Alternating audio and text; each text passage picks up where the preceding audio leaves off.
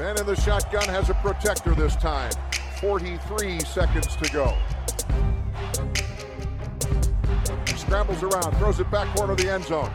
Santonio with a touchdown! I don't know how he did it! What a throw! What a catch! What a game! No, Mike 23, call 57. That! Suffocate him! Make him miserable! All game long! Get us the ball back! You could love him or hate him, but he was Brad. Hej, välkommen till veckans NFL med Mattias Olsson, Lasse Thorman och Rickard Olsson idag. Ingen Magnus som har viktigare saker för sig ryktas det om. Eh, och vi ska snacka lite offensiv linje idag. Och den här podden som presenteras i samarbete med GameDay.se ska vi säga så inte Lasse får in den den här gången. Eh, Men eh, utöver det så har det hänt lite grejer runt om i NFL. Det har ju varit spännande trades och allting Lasse. Ja, eh, bara först flika in att det är sjukt att man kan ha viktigare saker för sig än att prata, prata offensiva linjen. Det, det får jag inte riktigt ihop. Ja, det är helt galet. Eh, kunde ju lagt eh, avancemang till högsta ligan i innebandy i någon annan jäkla position än o-line. Eh, men det lär av pengar. Vad var det jag, vad var jag skulle prata om förutom det? du får prata om vad du vill. Det är, det är fri, fri lek ja, här. var det trade, eh, trades har du något om? Ja, exakt. Det har hänt lite grejer i toppen av draften. Mm, ja, du tänker på 49ers lilla skutt upp där eller? Ja, exakt. Ja. Exakt.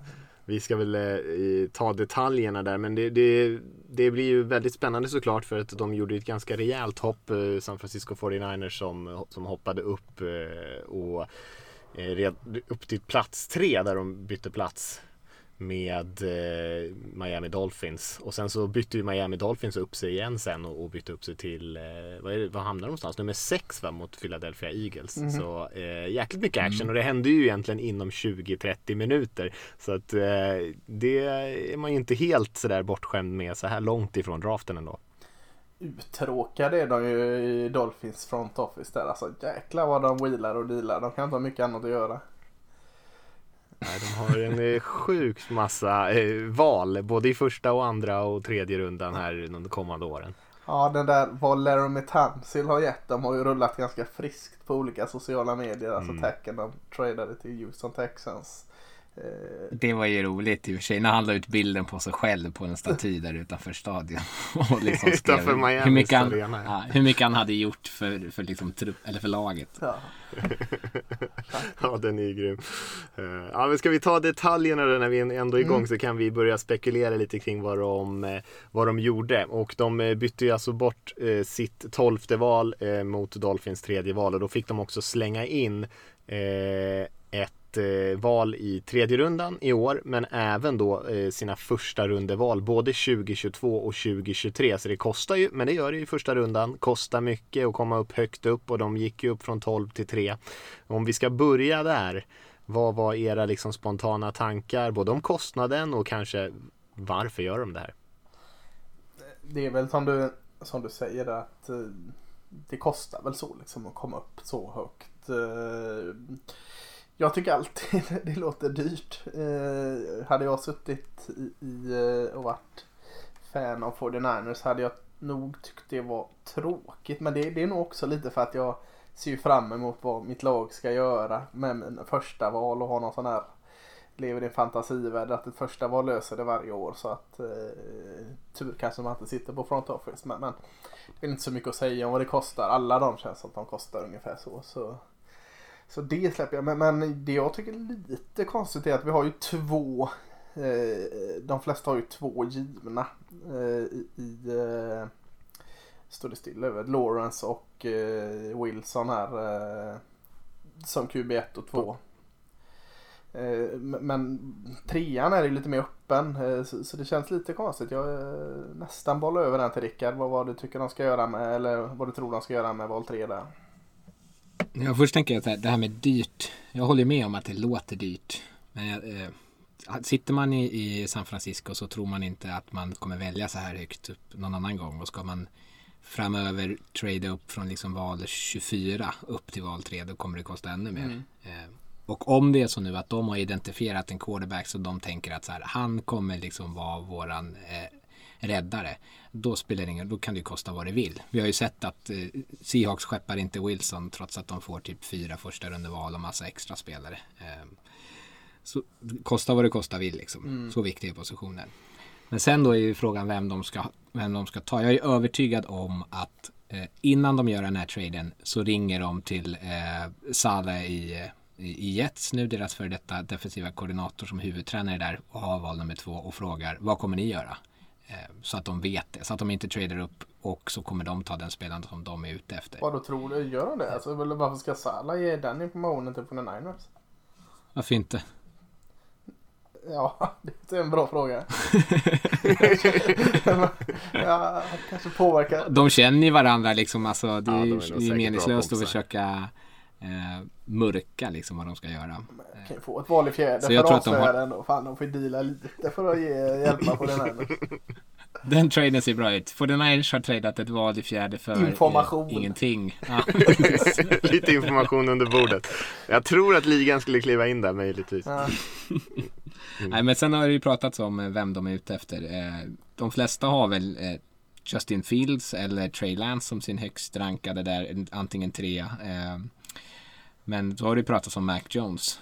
Om det, om det är honom de är uppe efter. Och då har man väl pusslat ihop det som att han är kanske den som är mest lik de spelare som Shanahan har haft i sitt system tidigare. Sen är väl en fråga om det är liksom självvalt att Shanahan har jobbat med Matt Ryan och Kirk Cousins och Matt Schaub tidigare. Eller om han egentligen skulle vilja ha en sån här mobil QB. Eh, men återigen så här, det är lite samma sak som i Jets där. Eh, varför skulle det liksom snackas om Mac Jones? Varför skulle de gå på hans pro day? Varför skulle de göra alla de här sakerna om, om de faktiskt inte riktigt är intresserade? Vem är det de håller på? Man säger att de, att det, wender, alltså eh, man bara håller på med smoke hela tiden. Man försöker vilseleda alla. Men vem ska de vilseleda? Det finns ju ingen att vilseleda. Det är ju bara att gå upp och ta den spelaren du ska ha. ja, om inte något av de två lagen framför är så sugna på någon av dem som inte är givna där uppe. Men det är också väldigt, väldigt konstigt. Så, eh, mm. Men de försöker låtsas som att vi är sugna på Mac Jones. Så att Jets tänker så här, fan de vill ha Mac Jones. Då kanske vi ska ta Ja. honom. Och så, så liksom faller. Ja, ja det vore ju häftigt. Ja, nej det verkar lite, det verkar lite långsökt. Eh, Men Salah sen har vet man en inte vad den här... grej och sagt att de ska ha Mac Jones. Fan vad gött, då har vi Wilson och där, då tradar vi upp. Och så, nej nej. blåser dem direkt. Ja, eh, nej men jag, jag håller med, ni är inne på det, det att det är såklart, går man upp så här så är det ju för en quarterback, annars offrar man ju inte den här typen av resurser och eh, jag tänkte nog faktiskt först att det skulle vara Justin Fields, en mer av atletisk eh, quarterback där, för jag tänker att Trey Lance, jag vet inte om man vågar ge upp så här mycket för Trey Lance, alltså jag har Trey Lance som min tredje rankade quarterback och vi har inte pratat quarterbacks än i den här podden, men eh, det betyder ju inte att han är ju fortfarande ett osäkert val, osäkrare än alla de andra. Eh, och kanske en sån där spelare man draftar i, i mitten eller kanske i, i eh, 20 plats någonstans i första rundan om han faller dit. Men man, jag tror inte man ger upp liksom så många val eh, för en sån chansning ändå.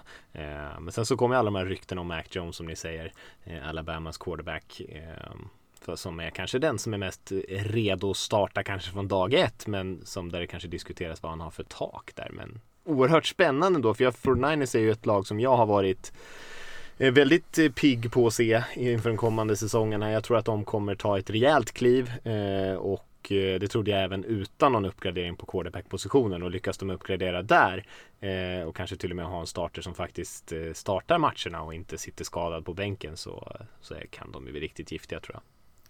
Ja, Mm. Och eh, sen var det ju den andra delen av den här traden då. För då eh, direkt efter att Dolphins hade gjort det där så tradade de ju upp sig igen med eh, Eagles. Och eh, behövde ju inte pröjsa sådär jättemycket för det för att komma upp till plats 6. Jag kommer inte riktigt ihåg vad de gav för det. Jag ska kika på det medan ni säger Det var väl vad ni- sitt, sitt första rundeval nästa år va? Var det det? och då såklart sitt första rundeval. Ett av dem i år då. Så, Ja, jo, ja, jag förstår. Ja. Eh, Så ett extra val i första rundan för att gå Ja. upp där. Eh, Vilket, ja. Förstår jag att de som, som eh, har sina sympatier hos Eagles svor lite över det. Visst det var inte så stort hopp och det var hoppet bakom alla de här QBsarna då. Men ändå. Borde kunna kräma Ja, ut lite mer uh, Eagles där. Kanske, men jag tycker ändå att det är värt det för Eagles. Alltså äh, med den betalningen så är det ju ändå eh, ganska bra payoff tycker jag. Eh, sen kanske de kunde ha fått mer, men eh, jag förstår. Det är ett logisk trade från Eagles håll. Vad tror ni att Dolphins vill göra uppe på plats nummer sex? Jag tänker direkt att eh, de tar den spelaren man tänkte göra med val 3 eh, eftersom de är inne på toa. Så eh, eh om de har eh, wide receiverna från LSU, eh, Jamar Chase eller om de har eh, Pinisuel som vi, vi ska prata om idag till exempel. Och någon, båda de två ser de nog väldigt gärna falla till dem där. Eh, och om vi då pratar 1, 2, 3 QB eh, så är det väl en ganska stor chans att någon av dem faller till dem som sexa även om de har valt dem som trea. Ja, det, jag skulle tro precis som Lasse. De har nog ett, en trio spelare som de känner att de här hade vi tagit på tre. Vad kan vi göra eh, för att säkra att vi får dem och få så mycket betalt för det som möjligt. Och då är det att liksom komma bak till plats sex. Eh, för det kommer nog gå tre, kanske till och med fyra mm. QBs eh, innan. Mm. Ja, det låter ju logiskt att de har dragit någon linje där av vad här är elitspelare och de vill få mm. tag i någon av de spelarna. Kyle och Pitts de har ju ska möjligtvis vara en av de tre också. ja, från Florida som hade passat fint Som vi pratar om nästa vecka men det är ju en extremt spännande spelare såklart. Mm. Ehm, mm. Ja, nej, eh, spännande i alla fall att det händer lite grejer där uppe och det gör ju hela draften lite mer intressant än att lagen sitter där och kanske gör det bästa de kan på den positionen. Vi har ju sett sådana drafts, men oftast sker det ju lite trades och, och, när lagen byter upp så här, ja, då visar du ändå på någon typ av eh, aggressivitet, någon typ av eh, vision för att man tänker att man ska göra någonting och då gör ju det, det gör ju draften lite mer intressant tycker jag. Um, jag, jag kände så, och, bara, ja förlåt. Ja, kör. Jag känner bara så att eh, det var ju roligt att det här hände nu. Eh, jättekul. Men jag känner så här, Fasiken, det är ju det här man vill ha på alltså, själva ja. draftnatten. På klockan. Den här tokeriet. Alltså, ta inte det från oss nu. Ni kan, ni kan komma överens om dealen så liksom. Alla. Men spara det till draftnatten. Det är ju det bästa som finns när den där trade alerten kommer upp där. Alltså det är, det är ju mumma. Ja. Eh, så eh, lite så, jag känner mig lite snuvad från action under själva trade-natten, eller draftnatten. När man i panik där sitter och liksom, man hinner inte reflektera eller resonera kring vad är det de gör. Utan man bara, nej vad är det som händer? Vad är det som händer? Vem tar dem? Vem tar dem? Och så sitter man liksom på nålar tills de bara tillkännager något. Ja, bara, det är fantastiskt. Nej, är det sant? Ja, nej vi kommer ju till det. Vi kommer ju ha något avsnitt också där vi gör lite mockdraft och sånt där och pratar om grejer. Men det finns ju fortfarande intressanta val där uppe. Jag tänker 49ers-valen här blir ju väldigt intressant. Men jag tänker, för jag ser Jaguars och Jets som ganska, jag är ganska eh, klar på vad jag tror att de kommer göra där. Men Falcons och Lions och andra lag som, som verkligen skulle kunna hotta upp toppen på den här draften. Men eh, Ja, eh, spännande. Vi lämnar den diskussionen där. Vi återkommer ju till det. Eh, och vi kan väl nämna också att det blev eh, klart idag att NFL redan från nästa säsong då går till 17 matcher. De har ju spelat, vi har spelat 16 matcher i grundsäsongen här under ett ganska långt tag. Och eh, av eh, girighetsskäl får man säga det, så har man ju bestämt att man ska gå till 17 matcher. Eh, och alla är inte glada över det. Alla spelare är inte glada över det. Men det är klart det blir mer pengar in för alla parter.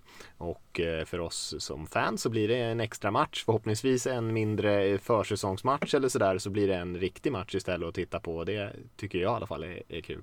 Sen blir 17, det, det svider ju lite kanske i ögonen. Eh, en ojämn siffra. Är det sagt när den, eh, ska den läggas tid, en vecka tidigare än säsongstart eller ska den dra ut på säsongen en vecka till? Vet De skulle väl ta ner för, korta ner försäsongen ja, va? då är det jättebra. Jag tror det att det är rimligt. Ja, jag mm. hoppas verkligen det. det är rimligt. Kunde gott slängt in en bye week till också och kortat ner ytterligare en försäsongsmatch tycker jag. Ja, då hade vi fått 18 ja. veckor. Det, ja, det får vi ändå. Men då hade vi fått, eh, ja, vad blir det, 19 spelsöndagar i grundserien. Mm.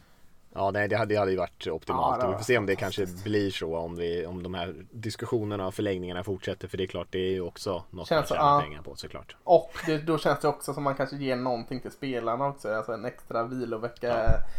Eh, gör nog ganska gott på ganska många kroppar. Ja, och det är ju bra för alla egentligen. För att vi ja. slipper se så mycket skadade spelare. Nu drar de ju nitlotten i också att eh, när de har signat nya, sina nya kontrakt här så är det, kommer det delas ut på liksom 17 matchcheckar så Ah. de får ju mindre betalt per match dessutom. Och i ett Oj. år där capen inte är höjd heller.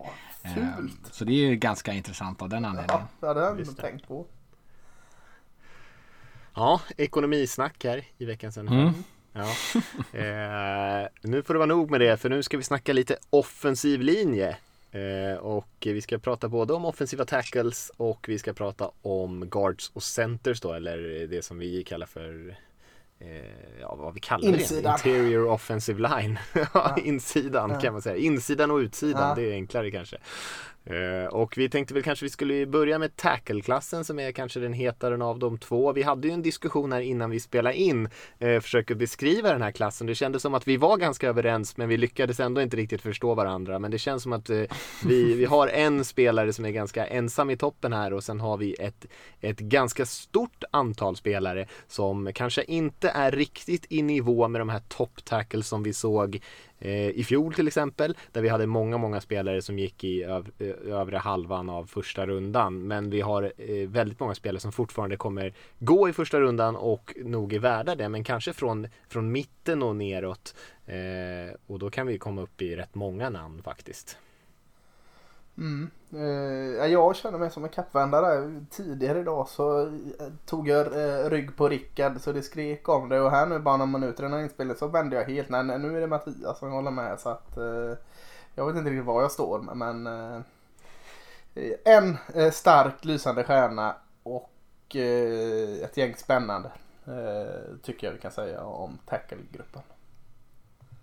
Det är in, förra året blev vi ju bortskämda med att det var flera stycken stjärnor. Mm. Eh, nu skulle jag kanske säga att den här andra gruppen är jättestark i år. Starkare än vad det var förra året. Mm. Men det är bara en Mm. i första gruppen, stjärngruppen egentligen. Det tycker Ja. jag. Och många av dem, precis som vi sa på receiverpositionen var det väl, så var det också många av de stjärnorna som gick högt som också spelade väldigt, väldigt bra. Och de som, den, de enstaka spelarna som inte gjorde det, eh, kanske började lite svagt, eh, såg ju bättre ut i slutet på säsongen. Så det var ju inga alls tydliga liksom, eh, missar på offensiva tackle-positionen och ett par som var nästan stjärnor från dag ett. Ja, Och eh, vi kan väl börja med att hoppa in redan på, för nu kör vi in- som innan- vanligt då. Innan bara Ja, vi kör. börjar hoppa in på namnet så, så är det ju värt, du, du sa det där om att många eh, offensiva tackles eh, eller offensiva linjespelare var bra redan sitt första år. Annars är ju det en position som oftast är ett, st- eh, ett större steg eftersom det är, är ganska stabila pjäser där vi kommer att prata om.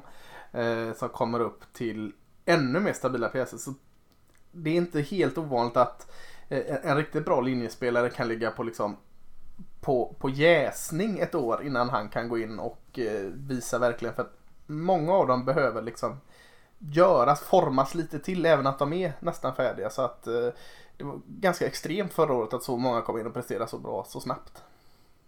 Mm.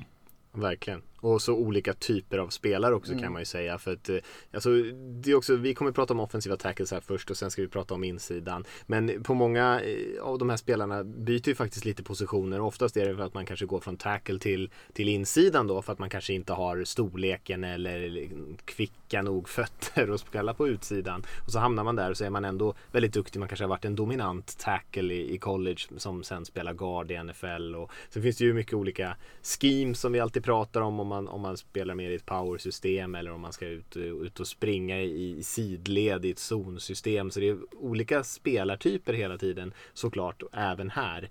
Eh, men som du säger, och sen så skulle man väl också kunna säga, tycker jag är ganska rättvist att säga, nu är vi verkligen inne i en filosofisk diskussion här, men eh, offensiva linjecoacher är ju några av dem, både i college och i NFL, som har absolut mest makt kanske man kan säga, eller absolut viktigast för de får jobba ganska ostört med sina grupper.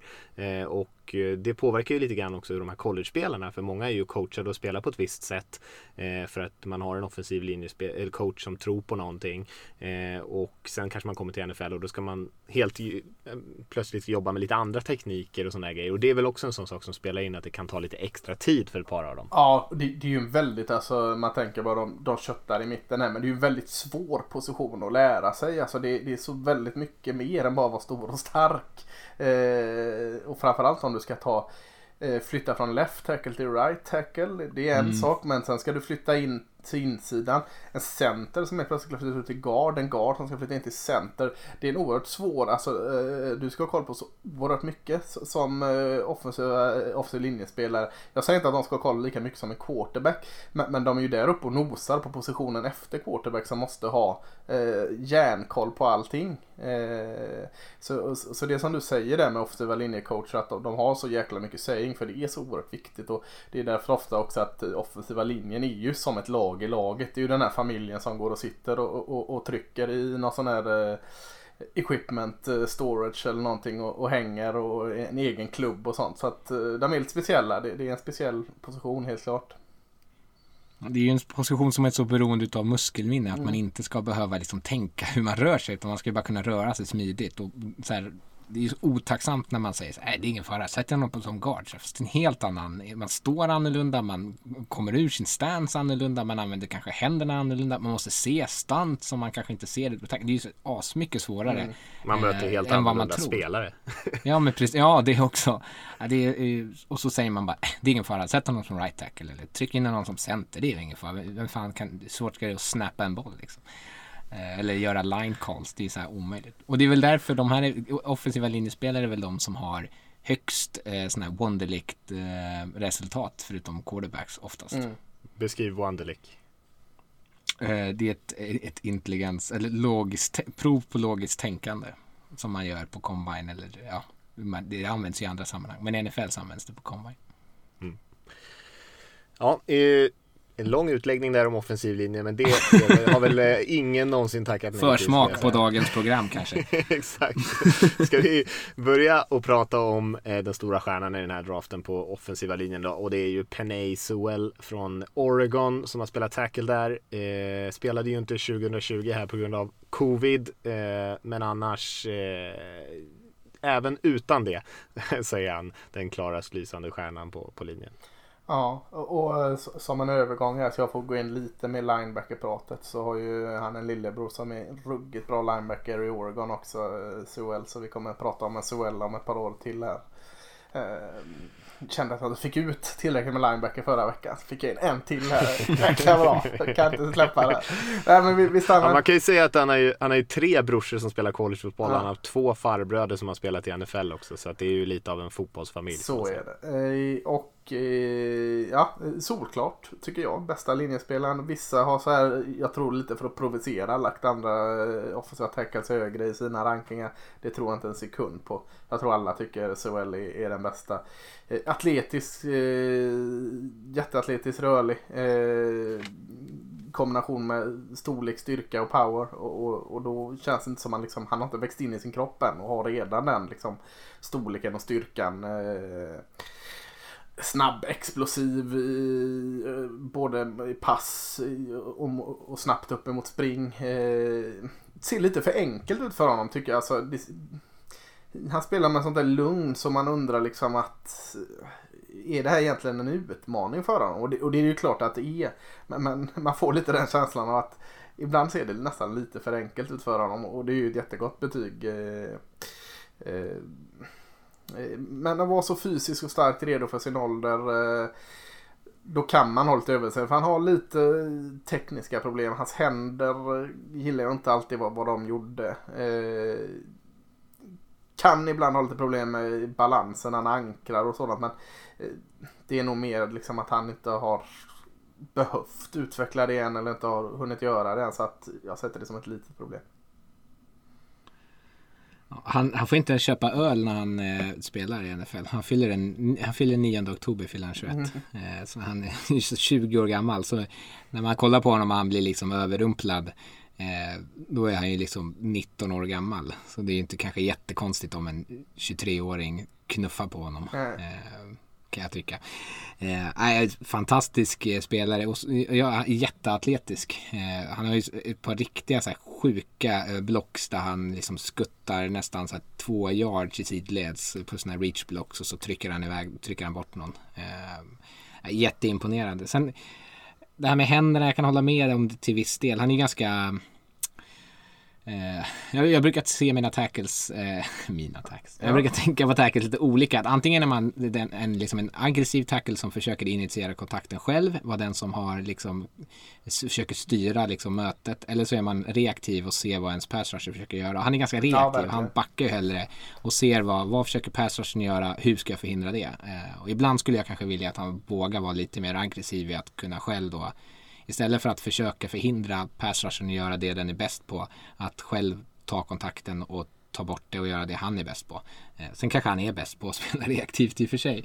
Eh, men jag, jag gillar ju tackle som är lite elaka. Och han skulle gärna kunna vara lite elakare. Mm, ja, nej, men jag håller med om mycket det ni säger. Jag tycker inte händerna är något riktigt problem för honom. Men, men, eh, men eh, jag kan förstå lite grann vad ni menar. Däremot när han väl har fått tag i sina motståndare. Då tycker jag att Eh, Eh, då vinner han ganska bekvämt. Eh, men det är väl kanske fasen innan där. Eh, som eh, när det är lite mer handfighting. Som man kanske skulle kunna jobba på lite grann. Jag tycker bara att han, han är kanske inte sådär superduper kvicka fötter så. Men just med balansen och styrkan och den räckvidd han som han har så tycker jag att det ser ofta som ni säger väldigt väldigt enkelt ut för honom. Han bara sväljer upp pass rushers och flyttar på folk i springspelet. Och eh, som ni säger också, han var bara 19 år gammal när han gjorde det här. och Han har ju väldigt mycket utveckling kvar att göra och kan bli till och med ännu bättre. Eh, jag tror att han kommer kunna vara bra redan från dag ett när han kommer in i NFL. Eh, kanske har vissa saker han måste jobba på men eh, har ju både ett högt tak och ett lågt golv tycker jag. Och är solklart mm. den bästa spelaren. Ja, jag, ska, jag ska inte säga att han är den, den bästa offensiva linjespelaren de senaste 5, 6, 7, 8 åren som man glömmer snabbt.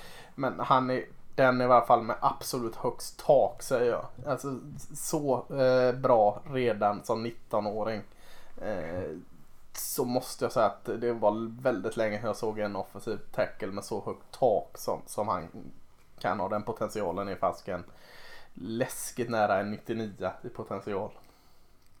Mm. Jag skulle säga att han är så pass bra att man behöver tänka på vilka är det som har gått de senaste tio åren för att kunna bestämma sig om han är ja, den bästa på länge eller inte. Och då, och då, är man väldigt bra.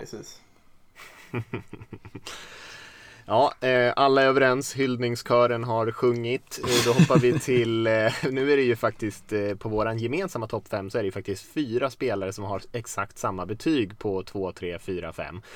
Så att vi, vi kan ju egentligen välja vem vi vill här men vi börjar med den som står högst upp på hemsidan helt enkelt och det är Alex Leatherwood från Alabama som eh, kanske, nu, nu ligger han ju två här men han kanske är egentligen i lite mer delad position men annars kanske inte det är alla som har honom riktigt sådär högt upp. Eh, nej, det är väl jag som har en uh, superhögt upp. Mm. Uh, jag har gjort en helomvändning på Alex Leatherwood, tack, left tackle i Alabama. Han var ju väldigt het inför förra årets draft innan han valde att stanna sitt sista år och då fattade jag inte riktigt vad folk, då pratade folk om honom som eh, vissa den som går nummer ett liksom och jag fattade inte alls. Men, och, och, det kanske har att göra med då att jag gick in med Leatherwood och lite lägre förväntningar och tyckte han liksom knockade undan benen eh, på mig med, med hur han utvecklade sig sitt sista år. Eh, Eh, för jag tycker han utvecklades så enormt bra och är jätteglad att han, han stannade sista året i college. Eh, de flesta andra verkar inte hålla med mig för de, de har nog honom lägre i år än vad de hade förra året. Men eh, vad ska man säga, kroppsform, frame brukar man ju säga. Alltså, hans storlek är den man söker i NFL. Eh, och jag tycker han är tillräckligt bra, bra atlet i kombination med den storleken för den positionen.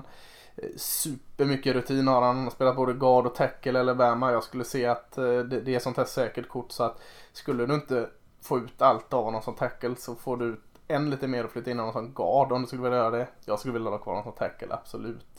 Eh, Ja, han kan se lite stel ut. Eh, framförallt alltså under midjan med, med fötterna och, och benen eh, i sidled och, och, och quicka, quicka, kvicka eh, rushers kan, kan ganska snabbt, eller kvicka snabba kan, kan lura honom där med. Men jag tycker han, han vinner mycket på att han läser spelet väldigt bra. och det är väl kanske mest när det händer något millisekunden framför honom som, som han blir lurad ibland. Eh, I spring är han eh, Ja nu är ju den här jävla Sewell här så jag kan inte säga att han är bästa attacken i spring i den här draften heller. Men han är väldigt, väldigt bra spring, aggressiv, elak, eh, dominerar sin motståndare där tycker jag. Eh, och inga problem mot bull, bullrush och sånt när han ska plantera fötterna. Eh, Ja, lite mer eh, smidigt i sidled kan jag önska. Eh, men men eh, jag gillar absolut Leatherwood. Mm.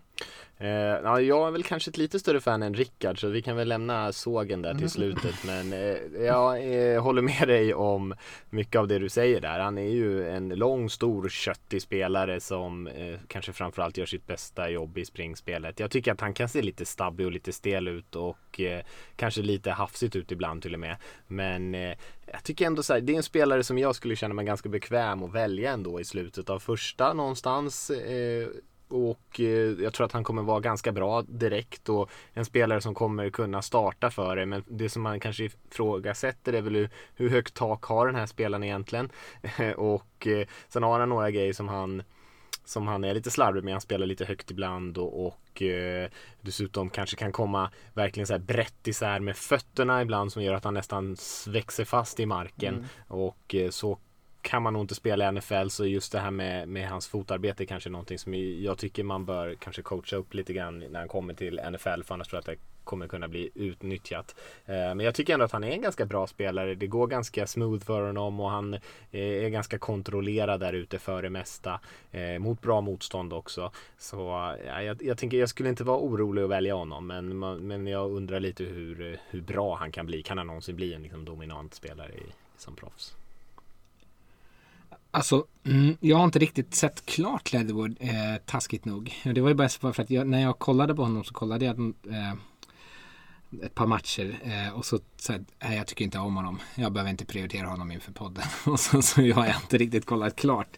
Eh, och det är väl mest för att jag är inne i det här med att jag inte ser det här höga taket. Jag tycker han ser ut som en ganska begränsad atlet.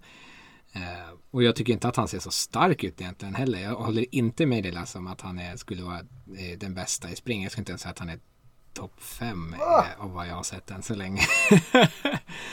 Snarare tycker jag som Mattias att han spelar högt även i stundtals i springblockeringen som gör att han inte alls får den här kraften som jag hade förväntat mig.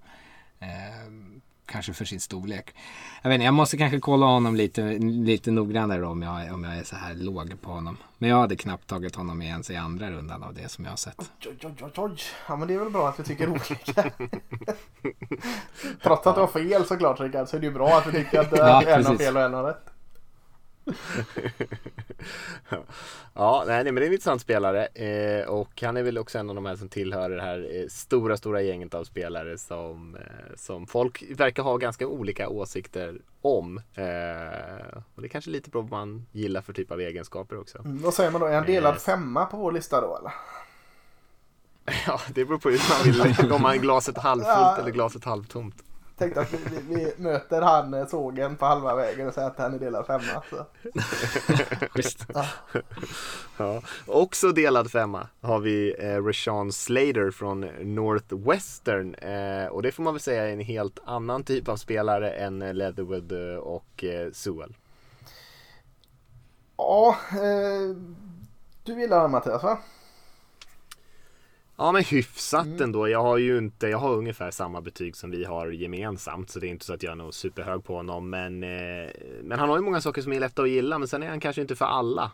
Eh, jag menar han är ju en, en, en lite mindre, eh, inte särskilt stark, eh, kraftfull tackle. Utan snarare att han är snabb och, och, och kvick och eh, ganska rörlig och framförallt är han väl väldigt bra. Vi har pratat om spelare här som kanske dominerar ibland i springspelet men här är ju en spelare som eh, är absolut bäst i, i passblockering. Eh, och där har han ju gjort ett bra jobb. Vi pratade lite grann om den här matchen han hade 2019 mot Chase Young och Lasse sa alla tjatar om den där matchen. Eh, och det har väl kanske blivit lite överhypat men det visar väl kanske det som vad som är hans styrka. Han är eh, väldigt aktiv hela tiden, spelar med ganska bra teknik tycker jag och kommer liksom sällan ur position för att han är så ganska rörlig i sidled.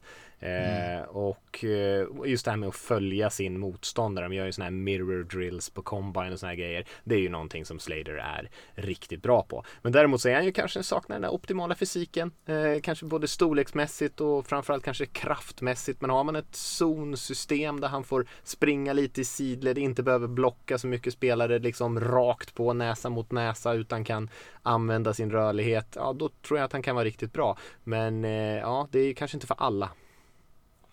Alltså jag, jag tycker att eh, det som du är inne på med hans fotarbete kompenserar för det eh, som han saknar kanske i ren muskelkraft. Eh, dels att han rör sig bra eh, så att han liksom alltid har balans, han har alltid kraft i sina fötter. Det är sällan som det känns som att han är eh, ur eh, fas liksom. Eh, och sen så gillar jag hans händer för jag tycker att dels att han är aktiv med att hålla sig ganska eh, fri. Jag tycker att han vinner bröstplattan och när han väl får tag i den så håller han ju fast den ordentligt. Eh, och det är väldigt svårt att komma av honom tycker jag när han har fått liksom kontroll. Även om han inte är den starkaste spelaren så känns det som att han ändå hanterar kraftfulla spelare. Eh, liksom att han kan kontra med sin teknik.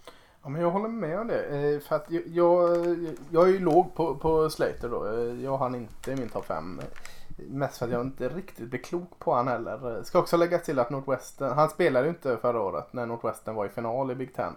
Och spelade året innan när Northwestern var sämst i Big Ten. Så att det är ju Slater-effekten pratas det om i Chicago. ja, just det, just. Eh, kan de ta någon jävla Chase Young-matchen och göra vad de vill med. Men eh, han, är, han är ju inte den där stora eh, tunga jäkeln. Men, men jag får inte ihop det för jag tycker han ser ut, som Rickard säger det här med att när han får tag i bröstplattan så tycker jag han ser ganska stark ut ändå.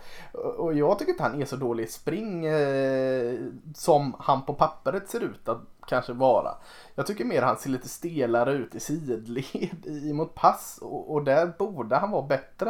Eh, för jag ser ju hans rörlighet men jag, jag, jag, ser liksom inte att han får ut något nyttigt. Så att han spelar omvänt för vad han egentligen ska göra. Och, och, och det gillar jag inte att, att eh, jag inte liksom kan placera in han i facket som modern atletisk eller old school tung. Utan han, han, eh, han blir omvänd för mig. Eh, han borde vara oerhört eh, snabb och smidig i sidled. Jag tycker inte han är det. Och han borde ha eh, tydligare problem i springspelet. Det tycker jag han har ganska enkelt för sig emellanåt. Så att eh, det blir helt tvärtom för mig. Kommer det en... Han har lite samma problem som Leatherwood när det är en snabb edge rushen som kommer.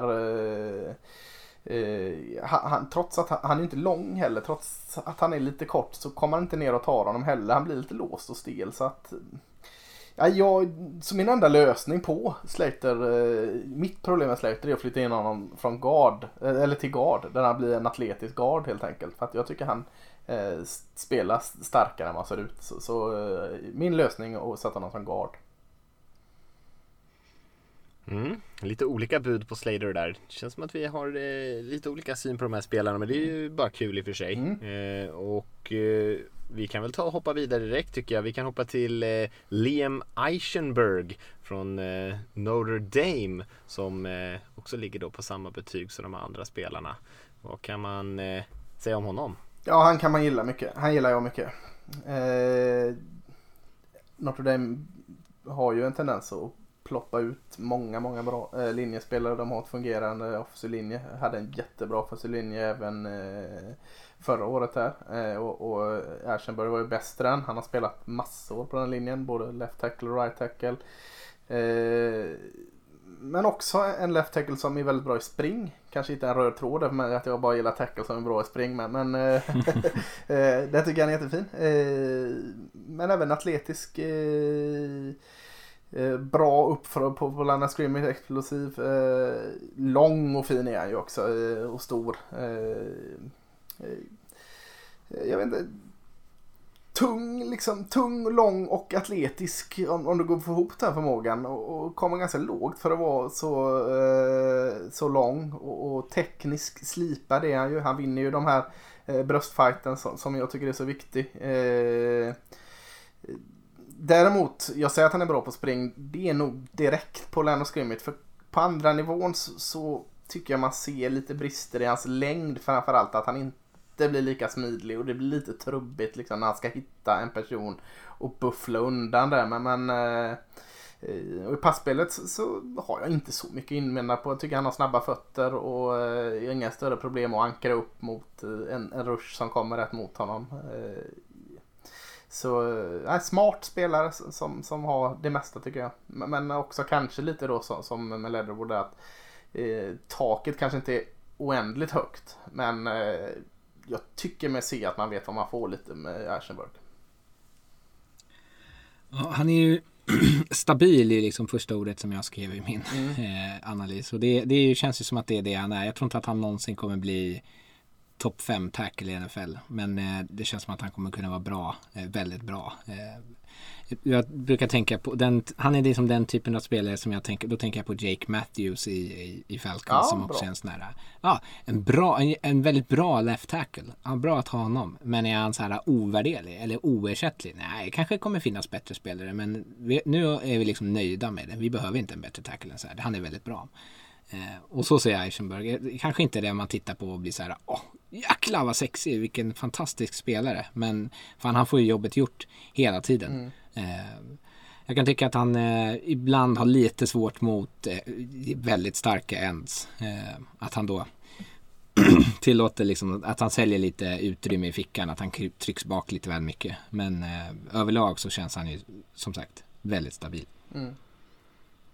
Eh, Eh, nej men jag håller med. Jag, eh, han är ju relativt tunn men väldigt lång. Eh, jag tyckte han var lite av en eh, finess-lirare. alltså, ganska passiv, eh, bra balans, vältajmade puncher, spelar med bra teknik. Eh, men som sagt kanske inte någon eh, superatlet även fast han är atletisk nog. Och det är väl just det här med taket också som är lite intressant med honom. Ehm, Eh, jag tycker han är, gör ett väldigt bra jobb i springblockeringen ibland och verkligen kan eh, få in hela kroppen bakom där och verkligen köra över folk. Men annars så kanske lite så att han kan slänga sig in lite aggressivt ibland, med sina punches och sådana här grejer. Han kör ju den här uh, two-handed punch som de gillar på Notre Dame som även McLinch höll på med.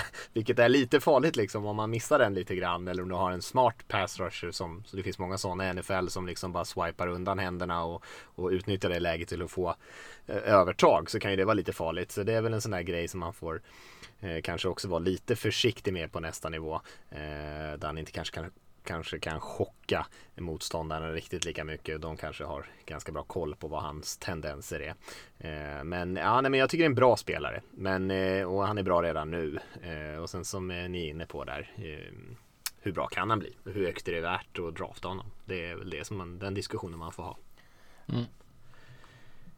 Vår eh, femma där som också ligger på samma då är ju Samuel Cosmi från Texas Lasse.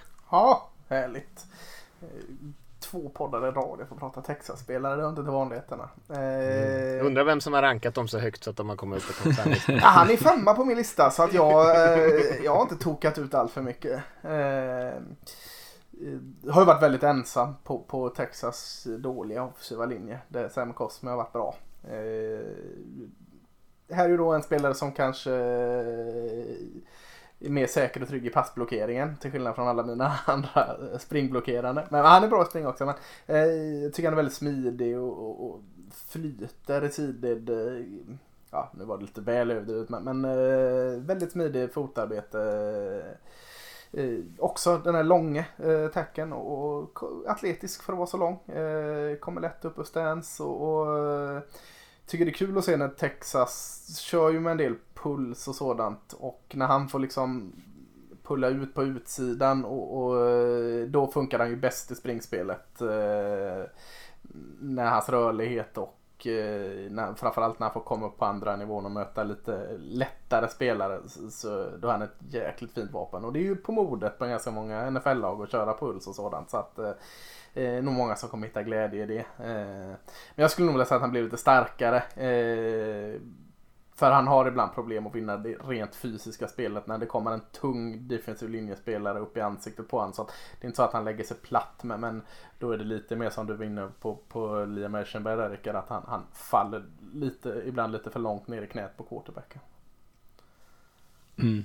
Alltså jag gillar Cosme, jag har ju puttat upp honom lite här också. Jag tror jag har honom högre än vad du har. Mm. Ehm, alltså, det, jag sa ju det när, när vi pratade om Osai förra veckan, eller när vi pratade Edge Rushers, att eh, det tog tre spel innan jag tyckte om honom. Det var samma sak med Cosme, det tog fem Bara för att han är spel. lite elak va? Ja, alltså han hade typ tre pannkakor, alltså när han trycker ner sin eh, defensiva linjespelare i, i battan. Eh, typ tre sådana på fem spel och jag bara, ah gud det här, det här är en spelare för mig. Han går ju hela tiden för att trycka ner sin gubbe i marken och det älskar jag. Eh, och så tycker, han har ju en, han är kanske inte den starkaste som du är inne på Lasse. Eh, jag tycker inte att det är något problem. För han har ju också samma sak med de här krabbklorna. Att han sätter in dem i bröstplattan och sen så bara sliter han och drar och kastar sin gubbe allt vad han kan. Liksom. Eh, och det tycker jag är så härligt att se. Eh, han är, han, sen är han mycket bättre när han väl har fått henne på sin gubbe. Eh, och då kan han spela med kraften. Jag kan hålla med om att väntar han för länge eller någon tackle eller eh, linjespelare får, hinner få upp lite fart och verkligen kan komma med ordentlig kraft. Då kan han ha lite svårt att svälja den. Eh, men annars tycker jag inte, jag tycker inte att det är ett speciellt problem. Jag har eh, snarare, för han är lite, ganska inkonsekvent i sin eh, han, eh, nej, sin dropback när han ska eh, liksom kickslida. För då har han han tar ett falskt steg ja, många gånger. Ja, det han, liksom, med. han är mycket bättre i sidled inåt nästan. Ja. ja. precis. Han ser nästan lite ut som en guard när han eh, faller bak i passblockering. Eh, och det här, ja vi har ju Colton Miller i Raiders och han hade samma problem när han kom från college. Nu är det inte samma program för han spelade i UCLA. Men samma liksom att han han liksom tar ett liksom balanssteg istället för att bara kicka bak direkt och det gör att han ibland kommer lite efter och, och lägger sig ur position. Men eh, det tror jag är enkelt att fixa och han är, alltså hans pro day var helt enorm. Mm. Ja, nej jag håller med eh, er den här gången också. Eh, alltså jag tycker att han det kan vara blanda och ge lite grann i passblockering och det är kanske det som du är inne på här lite Rickard, att han kan bli lite passiv sådär och när han inte får händerna på sin försvarare i, i, i passblockeringen så kan han ha lite problem att hänga med eh, när liksom han ger sin spelare liksom en two-way go där. Eh, men annars tycker jag att han, han är bra eh, ehm, och eh, tycker att han gör ett ganska bra jobb i springspelen då som eh, som vi sa där, en, e, liksom en elak spelare ändå. Där jag tycker ändå han har några ganska dominanta snaps där och det är kanske precis som Lasse säger där kommer ut lite grann på öppet gräs och kan få använda sin atletiska förmåga som han ändå har. Eh, och eh, nej, men en, jag tycker en väldigt spännande spelare. Jag har dem inte så långt efter er där, men kanske lite lägre betyg än, än, än er två. Mm. Var det topp fem? Har vi Ja, det var mm. topp femmen. Sue, Leatherwood, Slater, Eichenberg och Cosme. Ja, är det några andra spelare som ni tycker att vi ska nämna?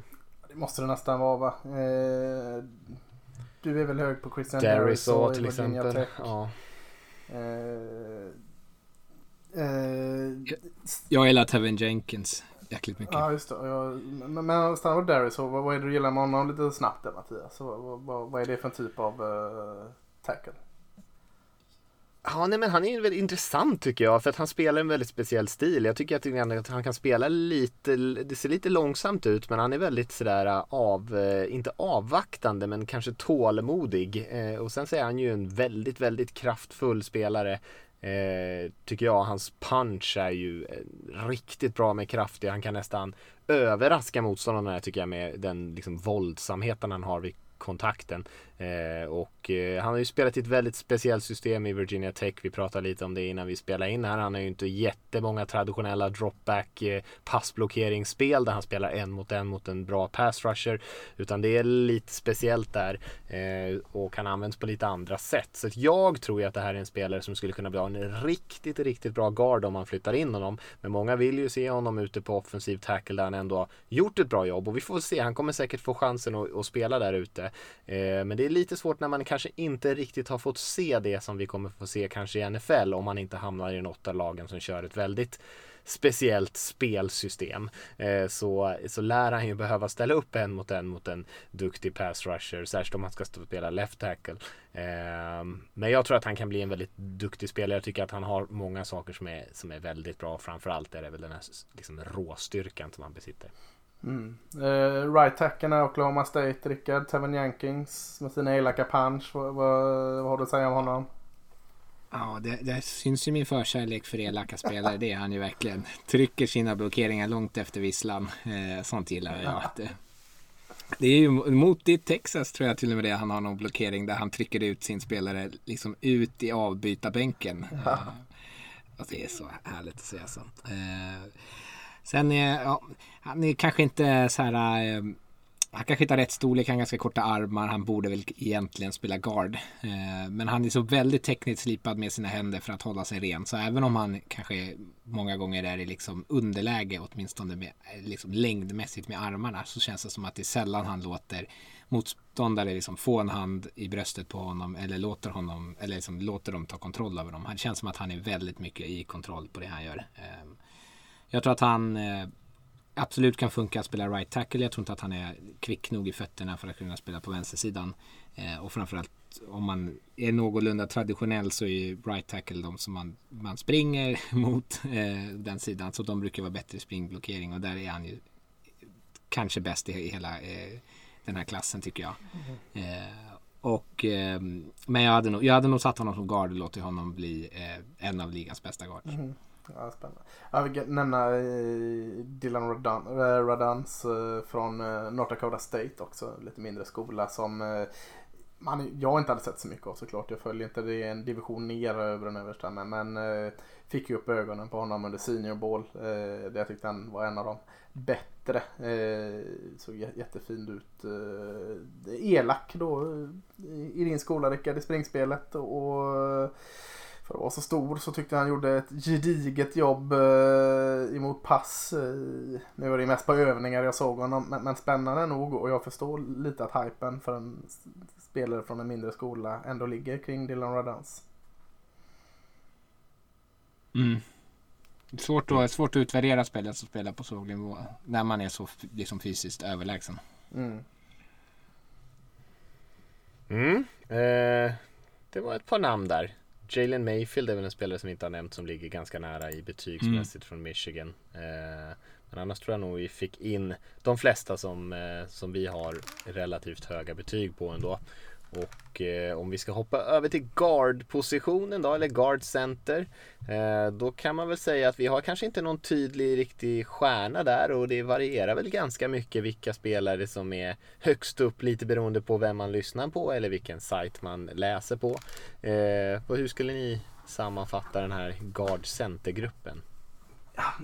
Alltså den är väl som eh, lite snäppet under tackelgruppen om du tar bort eh, tydliga stjärnan i tacklegruppen. För den tydliga stjärnan finns ju inte. Det är inte, gör det inte så ofta på insidan av linjen så att Ja men det finns, eh, tycker ändå det finns en del spännande. Eh, kanske en del roliga centra. Men, men uh, vad säger ni?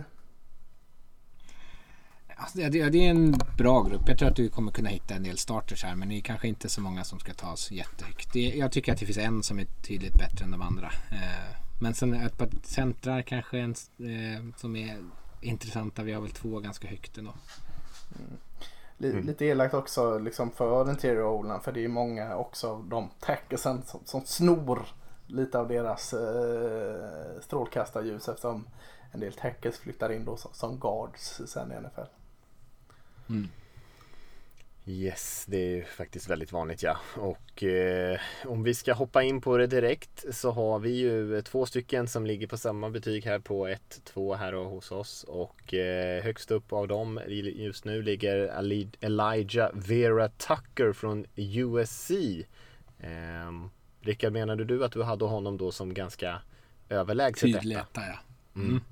Varför han är väl den enda, den enda garden som jag tror, eller insida offensiv linspelare som jag tror kommer kunna gå i första rundan. Och det tror jag att han gör. Um, han har spelat tackle eh, på college. Det, det, ska han ju inte göra. Utan jag tycker att han är bättre eh, som guard. Eh, jag tycker att han är väldigt skicklig när han i springblockeringen. Dels i att liksom plocka bort sin egen gubbe. Men det känns som att han har väldigt bra känsla i, när han, i så här zonspel när han dubblar och han ska upp på andra nivån. Och han hittar andra liksom linebackers som han ska blockera där väldigt bra. Ehm, jag tycker att han, har, eh, han är stark. Eh, framförallt när han har spel liksom framför sig. Ehm, när han är ute på tacken så kan det märkas ibland att när han flyttar sig sidled så kan de kontra och, och liksom sätta honom i balans. Men när han bara ska rakt fram så är han stark. Eh, aktiv med händerna. Eh, låter sig liksom sällan, låter sällan någon annan få grepp om honom. Eh, tycker att han är bra liksom i stort sett i det mesta som har med springspel att göra och i pass så är det framförallt bara för att han behöver göra tackeluppgifter som jag inte tror att han egentligen är lämpad för att göra som gör att han kanske inte alltid ser lika bra ut som jag tror att han kommer att vara i NFL. Um, ehm förlorar lite insida sådär när han måste göra snabba sidoförflyttningar. Men eh, det, som sagt, som guard ska han inte göra det. Det blir lite grötigare där och då tror jag han mer kommer till sin rätt. Ja, jag håller med i stort sett allt du säger där. Och för, eh, jag har nog inte som min etta, men han, det är jämnt där uppe i toppen. Så, eh, han ska ju inte spela tackle som du säger. Eh, mycket av bristerna eh, man har sett i han, alltså snabbheten i sidled och det kommer kanske neutraliseras på ett annat sätt när du pluppar in honom. Eh, tycker han kommer lite högt, reagerar lite sent på snap. Eh, känns inte riktigt liksom, trygg att spela tackle heller. Jag tror han själv vill in som guard ibland. Eh, men jag tror, tror liksom att han att ändå att eh, USC med envishet har använt honom som tackle är för att jag tycker en egenskap som är viktig för en tackle som han har är att han läser spelet väldigt, väldigt fint vad som ska hända framför mm. honom och, och reagerar på det väldigt bra. Du säger att han är aktiv med sina händer och det är han verkligen. Eh, det i kombination med styrkan gör ju att eh, på insidan som guard så, så, kommer han, det känns som ett ganska givet kort där. Eh, jag har inget skyhögt tak på honom men eh, en bra guard i NFL kommer han vara. Eh, han kommer inte vara den topp 5 garden i NFL men han kommer vara en av de bättre. kanske topp 20 guard ser hans tak i varje fall. Så att jag håller med väldigt mycket med men bristerna syns mycket när han blir där ute som left tackle. Flyttar du in dem så, så kommer inte de vara lika synliga och då, då kommer han inte behöva allt som han har behövt som left tackle.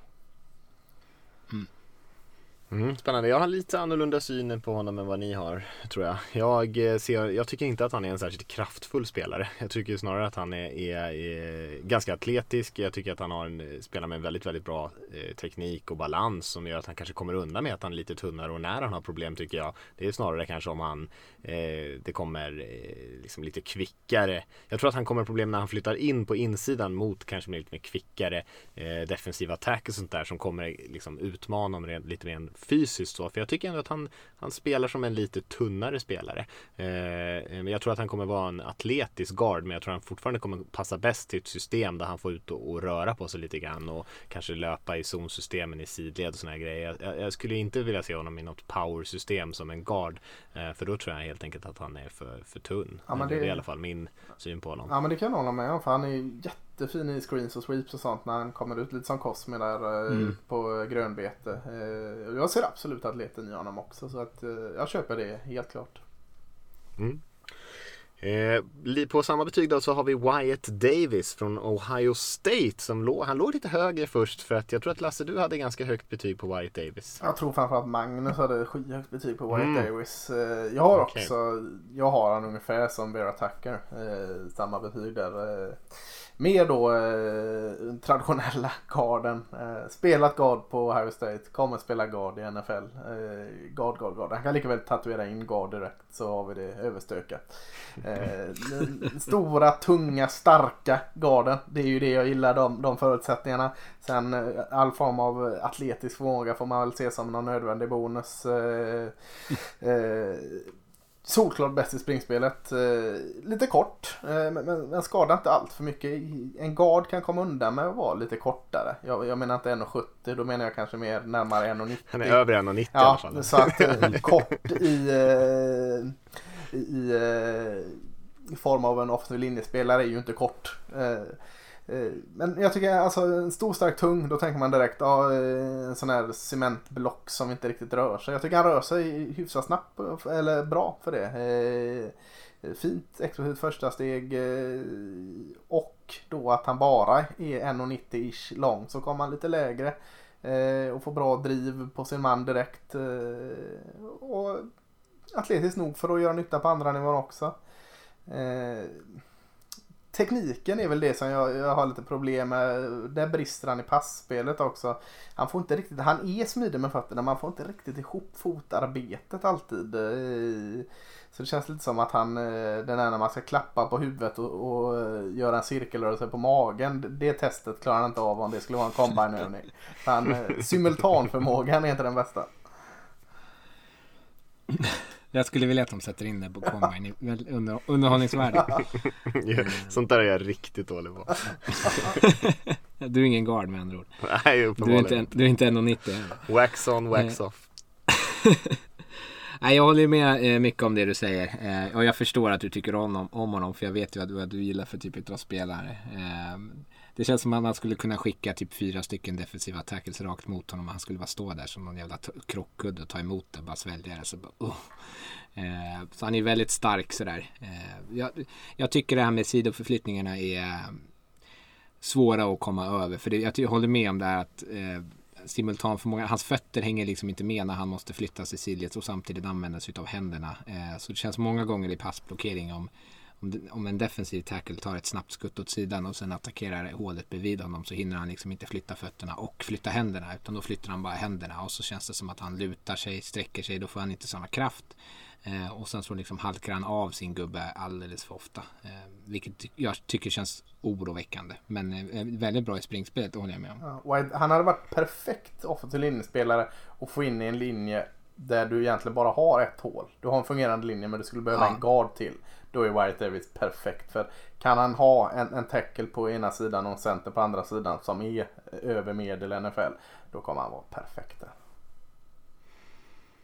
Mm, nej, men jag eh, köper nästan allt som ni har sagt faktiskt. Jag tycker att det, det som jag ser som problem med honom är ju det här som kanske Rickard är inne på lite grann. Att han kan bli lite framtung ibland och, och tappa lite balansen. Han kanske lutar sig in i sin, eh, sina, eh, sina eh, blocks. Och och eh, tappar lite balans på det sättet. Men jag tycker att han är generellt väldigt stabil. Eh, gör ju ett jättebra jobb att ankra när han blir eh, mm. attackerad i passblockering och i springspelet så är han ju eh, väldigt bra. Eh, jag tycker att han är en bra spelare. Eh, jag tycker inte han tillhör liksom ett sånt här toppnamn som jag sett på guardpositionen de senaste åren kanske. Det, men, eh, men jag skulle inte vara förvånad eller tycka att det var något konstigt om de draftade honom kanske i slutet av första rundan heller. Jag skulle inte rynka på ögonen åt det utan jag, jag tycker ändå att det är en bra spelare vi har här. Mm. Eh, vad har vi för spelare nu? Nu har vi Landon Dickerson från Alabama. Ja, det måste ju Rickard börja. Ja, det, det är väl eh, hans typ av spelare detta då om vi pratar om elak, ja, det elak och rolig. Så, så jävla mycket min typ av spelare. eh, älskar Landon Dickerson. Eh, han är hela tiden, och vi sa, jag sa förut, jag kommer inte ihåg om det var jag pratade om att eh, om de lämnas, om man, man, stå, man, man, står ensam och man har ingen blockering så det, det vänder sig Dickerson om och så bara hittar han den första bästa person som han kan bara smälla rakt in i och det älskar jag ju. Eh, stark, jättestark, eh, övermannar hela tiden med sin kraft. Eh, föredrar det här med att själv attackera. Han är ju inte avvaktande på det sättet utan han vill ju bara springa in i första bästa kille och knuffa ner honom. Eh, Eh, även om han inte alltid kanske är så superstark mot de mest tyngsta killarna så känns det som att han är väldigt skicklig på att skärma av. Han ser till att han har liksom sin rumpa mot bollbäraren så att det finns en, en gata att springa. Eh, jag tycker att när han ska upp på andra nivån så kommer han upp relativt väl på de här linebackers. Eh, kan ibland bli lite för ivrig i sin blockering. Eh, nästan så att han, ibland ser det ut som att han hoppar hoppar eh, när han ska blockera, när han ska försöka attackera. Eh. Det är ju en teknik som många jobbar med, den här hopptekniken. Eh, det är mm. medvetet val liksom att eh, de gör den. Vilket, ja, men jag tycker det känns jättegott. Alltså i NFL så känns det ju som att en tillräckligt bra tackle kommer ju kunna se det. Mattias pratar om tendenser. Det ser man ju liksom när de gör och så kommer de ju kunna utnyttja det genom att bara liksom, uppåt sidan eller trycka ner honom. Mm. Liksom. För han tappar ju balansen i det. och sen, han har ju liksom ingen har ju missat vem han är bara för att jag hyllat honom och pratat om honom som liksom den mest hyllade ledaren genom tiderna nästan. Men alltså de pratar ju om honom hela tiden om vilken fantastisk person han har varit i omklädningsrummet där på Alabama och alla liksom älskar honom eh, trots att han inte har varit där så länge eh, och vilken mentalitet han har liksom kunnat sätta på liksom egentligen hela laget men kanske framförallt den offensiva linjen. Mm, verkligen. Och, och eh, kommer in på frågetecken kring honom. Han har ju haft skadeförföljd har ja. han varit i college. Eh, och det talar för när den här finalen när de vann senast här Alabama så fick, var han väl, hade han väl ett ben och tre fingrar som gick att böja och eh, ett öga som gick att se ifrån. Men han fick ändå komma in och ta någon symbolisk snap där i slutet liksom. Det talar lite för både hans skadeproblem och hur jäkla omtyckt han är av Alabama. Eh, det, är ju, det är ju som du säger där. Den, han letar ju folk att sänka för att det är så jäkla kul att sänka folk och vara så jäkla elak. Och fasiken om man drar någon defensiv linjespelare offside. Eh, får man ju inte göra som offensiv linjespelare men, men det kan man vissa tricks. Då ställer han sig upp och dansar och pekar på honom nej nej nej nej nej. Du gick också, alltså, han, är, han har så oerhört kul där ute. Eh, hatad. Eh, men, men jag tycker det är lite mer i honom än så. Det är lite förenklad bild av honom. Bara så att han är en elak tuffing som är i tyken och vill sänka folk. För han läser spelet jättebra. Det finns ju en anledning att han är Mm. center. Han eh, läser och förmedlar ut jättefint. Tycker han har väldigt fin teknik. Framförallt i sina händer. Eh, har ju också rutin på olika positioner. Han kommer ju från Florida State. Eh, där han har spelat, eh, jag tror han spelat lite tackle eh, och han har även spelat guard och center så han har spelat alla positioner. Jag tror att han har varit överallt. Ja, tror jag. eh, så att jag håller med allt det du säger och, det du gillar med honom. Men det är också en lite förenklad bild av honom. För att det är mer i honom än så. Det är inte bara en elak jäkel utan eh, det är en smart spelare också. Ja, han är kanske inte någon superatlet. Nej, det är han som inte. säger, han är ju en, ett kraftpaket. Det, sen är ju Mm. den här, eh, ni var inne på skadeproblemen, korsbandsskadan. Är ju, eh, är ju ett, ett riktigt bekymmer Mm. får man ändå säga. Det är ju inte något som bara är helt säkert. Nu, är, nu, nu för tiden så är ju korsbandsskador kanske inte riktigt lika karriärdödande som det, det var en gång i tiden. Men det är ändå på den här typen av stora spelare är det någonting man i alla fall får fundera på tror jag innan man draftar honom högt. Så av den anledningen så skulle han kanske kunna sjunka lite längre i draften Ja det kommer han nog göra också. han förtjänar. Ja. Eh, Men, men jag tycker också så här, nu ska man inte vifta bort en korsbandsskada men förra veckan eh, när du hade lagt på luren på oss så pratade vi om eh, Mm. lite, lite kort om Dylan Moses i Alabama, linebacken där. En spelare som är så oerhört beroende av eh, hans atletiska förmåga och hur, hur mycket sämre han såg ut efter alla sina skador, bland annat korsband. Dickerson är ju, man är ju inte lika beroende av sitt korsband. Eh, Det är klart man är beroende av sitt korsband. men eh, alltså... Han är så jävla tuff så han behöver inte Nej, precis vadå? Jag bara slänger upp det och har det som ett, liksom, ett bälte. Men, men eh, det är klart att det är, det är ett orosmoment. Men det är inte en karriärdödare på samma sätt som det är för vissa andra spelare. Nej, han behöver kanske inte vara så explosiv Nej. men han bär ju å andra sidan runt på en del vikt. Ja, så att det- absolut.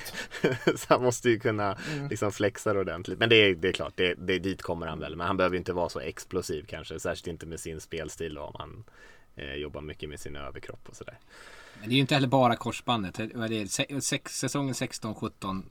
Ses, alltså säsongen 16, säsongen 17, säsongen 18 och säsongen nu 20. Alla de avslutade han skadad. Ja. Så det, är liksom, det är ju inte Ja. att det är, Nej, liksom det är ett en, problem. grej. Ja. Eh, och vi får väl se lite grann. Annars kanske han hade varit en snackis om att gå liksom bland de första inside eh, offensiva linjespelarna. Men Det gått i första väl- rundan annars tror Ja, jag. jag tror också. Ja. Och nu kommer han säkert falla en liten bit. Men det kanske är någon som får ett riktigt fynd då. Mm. vet man ju aldrig. Vi har eh, på fjärde plats har vi Creed Humphrey från Oklahoma. Eh, centern där. Mm, jag var inte så eh, förtjust i Creed under hans år i Oklahoma fram till sista året egentligen. Eh, tyckte han spelade bättre och framförallt under senior bowl jag tyckte han var skitbra.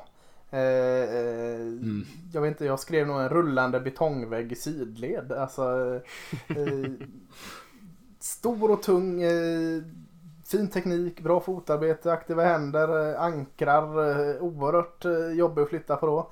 Lugn och fin spelare. Tråkig är han ju som fasiken. Du får inte upp några sådana här Ja. highlight-spel från honom. Han, alltså, spring vet jag liksom inte. Ser ju aldrig något roligt med honom i spring. Han kanske gör jobbet men sticker ju inte ut det där. Han är pålitlig och jättetråkig. Eh, eh, men, men ja, pålitlig. Eh, vänsterhänt också som center vet jag inte hur mycket det påverkar. Jag får la Dolphins eh, drafta honom och köra med Tua då. ja.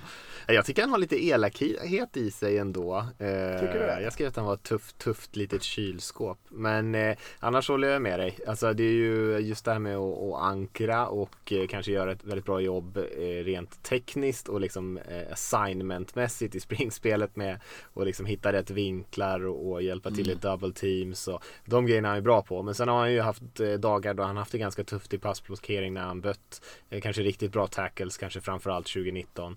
Eh, jag tycker att det är en bra spelare men jag skulle nog inte drafta honom speciellt högt. Jag skulle kanske drafta honom i, liksom i slutet av andra rundan Mm. och kanske bakåt. Eh, och då kan man säkert få en bra starter eh, på centerpositionen. Men eh, ja, det är ju inget sånt top prospect.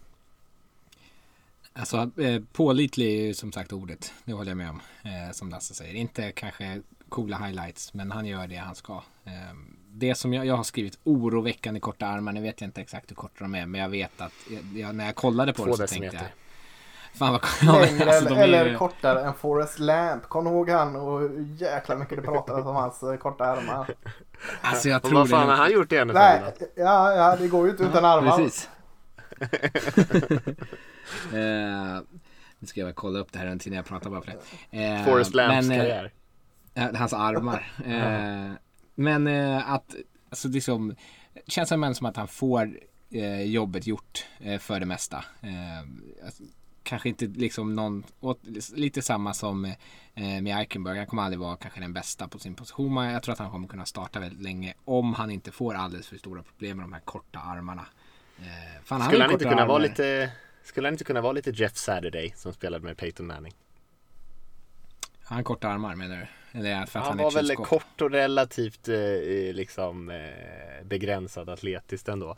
Eh, Han är ju gammal framgångsrik brottare också. Han behöver man inte ha långa armar för att brottas. Det kommer ju vara sånt älskade att dra upp under draftkvällen. Ja, han är ju gammal brottare. Det tycker de alltid är fint. mm, det gillar de. Ja.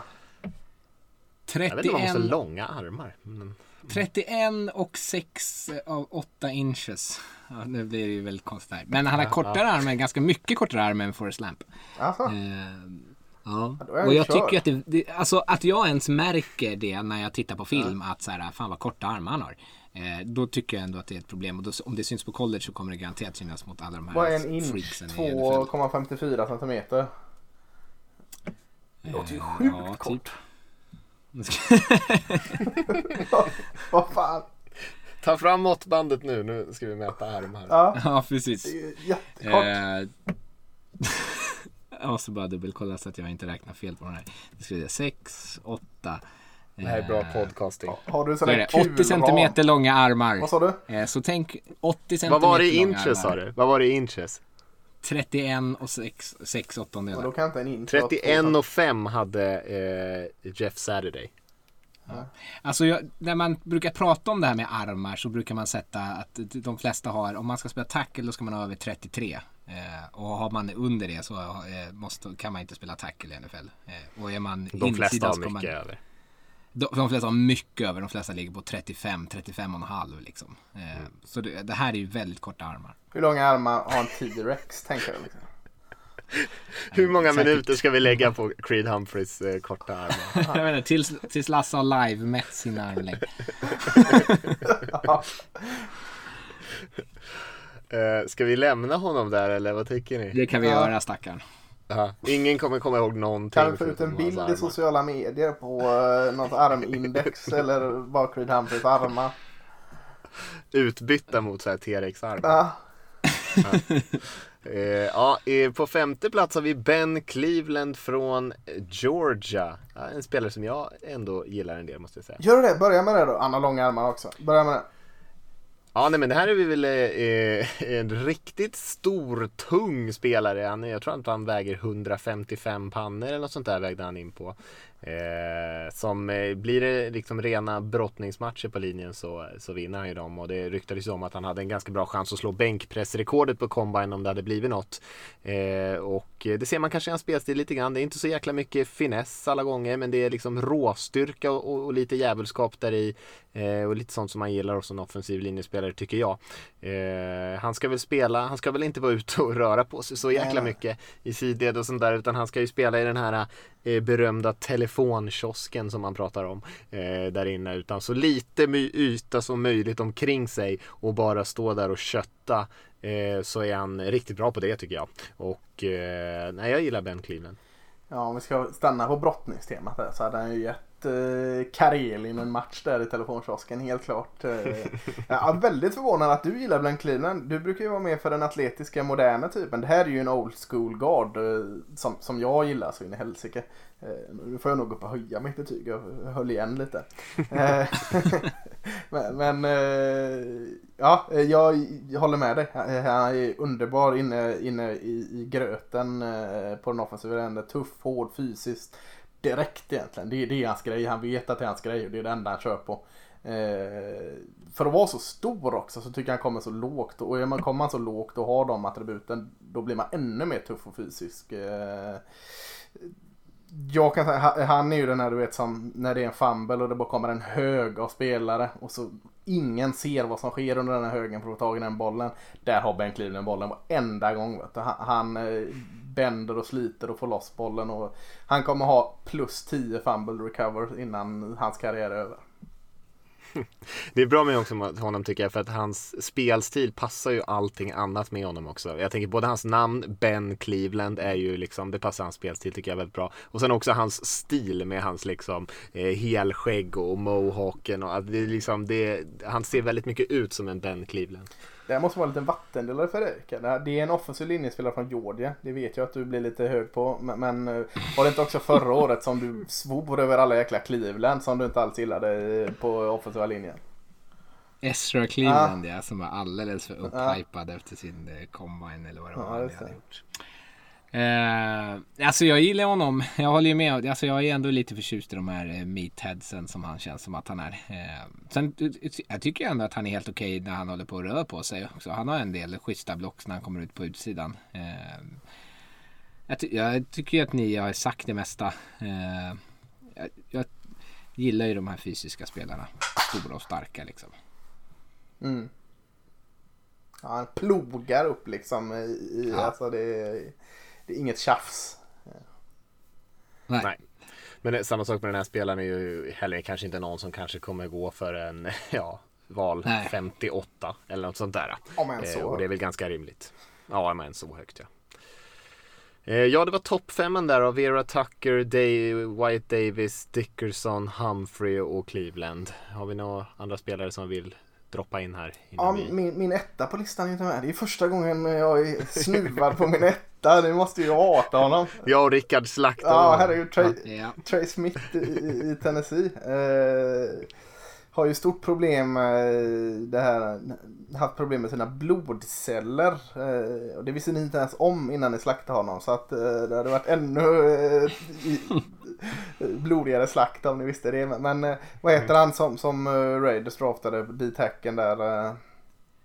Maurice Hurst. Ja, det var inte blodceller han hade. Det var en hjärtväg eller vad var det? Hjärtproblem, ja. ja men, men det är samma typ av liksom. Det är under kontroll men, men man får vara beredd på att det liksom, han kan få steppa av och hänga, ställa ut skorna. Call it a day om det kommer upp liksom. Så att det är ju det är ett problem där men, men eh, superhypad från high school. Eh, spelat O-tackle eh, innan han flyttade in eh, som, som guard. Och det tycker jag syns i rörligheten eh, i sidled och, och, reaktion på pass, inga problem. Stark, bra storlek, atletisk. Den kombinationen gillar jag skarpt. Eh, Eh, så, så eh, jag, jag gillar uh, jättemycket. Han kan, kan, bli lite för aggressiv ibland och, och framtung och, och ligga och krypa på marken lite för ofta. Det är väl ett problem med honom. Sen säkert ni kommer trycka ner på honom men uh, framtung och uh, hög samtidigt. Så det är väl lite så. Men, men jag gillar verkligen Trey Smith. Ja, han har ju mycket som eh, man kan gilla och man förstår ju att det, liksom, det finns mycket potential i honom. Men jag tycker inte att han får ut det så ofta. Jag tycker att han är alldeles för upp och ner och inkonsekvent och, och spelar både ganska slarvigt tekniskt och, eh, och lite vårdslöst också ibland. Så att, eh, det är väl det som jag ser att det finns potential där. Men jag tycker ändå att han är ganska hyfsad bit ifrån att det, ska, att det är ändå ganska stor risk. Sen har han de här kanske som du säger hälsoproblemen också då, då på det. Eh, men jag tror att han kommer in och spelar på det här sättet som han gör har gjort i Tennessee om han spelar så i NFL så tror jag att han kommer få det väldigt, väldigt tufft. Utan det, det får man nästan lita på att, att han kan eh, eh, städa upp några av de här grejerna som han inte gör så bra. Men jag tycker att det var ändå eh, så pass eh, mycket sånt eh, slarv så att jag tycker att det känns lite svettigt att, att drafta honom speciellt högt. Ja, inte jättetidigt ska han inte tas, men jag, jag ser ju honom ändå som en framtida starter. Det tror jag inte kommer vara något problem. Framförallt om han kommer i ett system som jag tycker han ska spela zon, liksom, eh, där han gärna får röra på sig mycket. Mm. Eh, så jag, det tror jag ändå man kommer kunna göra bra. Men eh, jag har dem inte så pass högt som Lasse har förstås. Ska vi ta upp den största, tyngsta Ja. giganten får vi väl göra Ja, va? självklart. Deontay Brown i Alabama här. Vad, vad, vad har vi på honom Rickard? Älskar Deontay Brown. Ju större desto bättre. Ja, ja, ja. Sätt honom där, vad fan, de kan ju inte springa runt honom. De tar ju fyra sekunder bara. Det Han behöver inte flytta på sig. Han kan ligga och sova. Har vi några mått på honom här eller? Vi behöver inte ha armarna, det är bara vikt och räckela. Ah, fan, Jag vet inte, har vi det i det här dokumentet? Nu har inte det uppe. Nej, inte jag heller. Nej, han är på 350 pounds. Vad det nu är. Ah. Dickerson var på två 320, 330 va? Eller 335 eller något sånt där. Så att han är ändå 6-7 kilo över Dickerson då. Han är ju Alltså, kortare ju- dessutom. Ja, alltså han är, där är, han är ju nästan lika bred som han är lång. Eh, jätteroligt. Eh, jag gillade ju Michael Onweno, eller On, hur man uttalar hans namn nu, som eh, Patriots tog. Eh, men han vågade inte sätta så jättehögt betyg på förra året för att han eh, jag trodde att han skulle bli mer utsatt för sin, eh, sitt seghet i sidleds. Eh, och det är lite kanske samma sak med Brown. Han, framförallt så syntes det på Senior Bowl att folk lyckades utnyttja honom för att han var seg i sidleds. Men då, där var han 10 kilo tyngre än vad han var under säsongen. Vilket i och för sig också är ett orosmål. Varför han blommar upp så mycket. Eh, det räcker inte att väga 300, eller 350 pounds till en. Eh, nej men jag gillar Han är stor, jättestor. Det är omöjligt att flytta på honom. Han ankrar jättebra eh, när folk försöker springa emot honom. Det går ju liksom inte. Jag tycker att han är smidig nog ändå i sidleds för att liksom kunna rädda upp eh, snabba spelare. Och de kan jag ju trycka bort. Eh, tycker, det känns ingen som liksom springer framför honom förbi. Eh, han plockar upp stans bra. Eh, känns som att han är väldigt medveten eh, i spring. Förstås får bra tryck. Eh, kanske kunde önskat egentligen lite mer med sin storlek. Och han har ju lite svårt när han kommer ut på, som du sa, grönbete Lasse. Där. Han, han skulle bara behöva ta den här gubben och trycka iväg honom. Eh, det är han bäst på. Eh, jag, Powerfotboll ja, jag förstås. tänkte ju säga det. Det är väl ganska givet att han ska in i ett powersystem. Ja, Eh, Men, men, det- men eh, jag gillar honom. ja, Är det tredje Alabama-spelaren vi har pratat om idag då? ja, så gick det en Eh, i första rundan eh, förra året. Förra året ja. Vad tänker ni kring det då? Det måste de ju, alltså de måste ju individuellt gynnas av att de har så många bra spelare omkring sig. Men det kan du nästintill sätta på varje position. Hur många receivers har vi haft från Alabama de senaste åren? Quarterback, Tua, Mac Jones och Jalen Hurts och så linebacker har de alltid, D-tackles. Alltså du har alltid multi i Alabama på alla positioner. Jo, det är klart, men jag tänker på just på linjerna, Ja, då gynnas man ju verkligen av, alltså defensiva linjespelare och offensiva linjespelare, det är ju verkligen en samverkan där. De gynnas ju verkligen av om de har bra spelare, alltså om de är ett bra, liksom en bra grupp så att Ja, säga. du tänker så. Eh, Eh, ja, men det är ju klart, det får man väl ta lite i beräkningen också. Eh, för, som Rickard sa där, att man såg i Sile lite under senior bowl att han hade problem. Det tyckte jag inte riktigt man såg under match. Och, och det kanske är en sån då hint att liksom, han räddas av sina kollegor lite ibland där i Sile-spelet. Så, så, så det kan ju vara något kanske. Eh, roligt att den, vad heter han, Evan Neal tror han heter, eh, right hacken förra året var kanske den som såg. Förutom Dickerson eh, och Leatherwood och Brown. Ja, det var inget alla dem. Men även Neil såg också jättebra ut och han eh, ska spela nästa år så att eh, han hade också varit med i det snacket om han var dra- draftbar. Så att, eh, eh, nej, de kanske är en jäkligt fint fungerande enhet. Mm. Har vi några mer namn som vi vill nämna? Det var ju lite hype kring honom. Eh, behöver inte nämna som ett toppnamn men eh, Quinn Miners från, från, var ju en profil under Senior Bowl. När gick runt och visade magen. Och eh, från Wisconsin Whitewater, en division 3-skola. Uppe och flyttar, ja som han, vad hette han, Dolph Lundgren i Rocky 4 där. Ivan Drago eller vad hette han? Du vet upp och klä stockar i kanadensiska bergen. Han är inte de ryska bergen här men. Eh, lite Ivan Drago-typen där fast med god eh, kulmage. Bra analys ändå. Ja, Alltså, om man inte förstår referensen så är det att han inte har, de har inte spelat någonting det här året. Så han har ju tränat med liksom stockar och skräp ute på sin gård eller vad det är för att han har där uppe. Nej, alltså Mm. han, är ju, han var ju bra på Senior Bowl men han, han har ju liksom pratat om som att han är vår helt fenomenal. Ja, nej, det, Eh, det det. Han var inte ens bästa centern där. Eh, så det känns ju liksom fjant. Det var ju mest för att han chockade och överraskade. Eh, att man sen kollar på hans film. För dels är den ju typ helt omöjlig att få tag på för oss vanliga dödliga människor. Eh, så då får man ju gå kanske mycket från Senior Bowl. Men även där så är, gör han saker som inte alltid är bra. Absolut. Men han var ju lite likeable också. Det var, det var en sån Ja, det var story. ju Och verkligen. det kommer ju komma upp igen Ja. på draftkvällen. Här, framförallt när det finns mindre att prata om i, i runda i dag, dag två och dag tre där och inte han plockar då så, så kommer man ju älska och älta de här bilderna på honom. Ja, men som man sa med Dickerson där att han är en ledare så kändes det ju som att Miners var, han gled ju in där på Senior Bowl som liksom en division 3-spelare och, och liksom tog över rummet. Och det, är ju, det säger ju ändå en del om eh, att han kommer ju kunna komma in i ett omklädningsrum bara liksom av den anledningen. Mm, precis. Ja, jag såg det. Jag skickade en länk till er men jag såg att eh, Daniel Jeremiah satt, skulle sätta upp honom på bland sina topp 50 spelare i hela draften.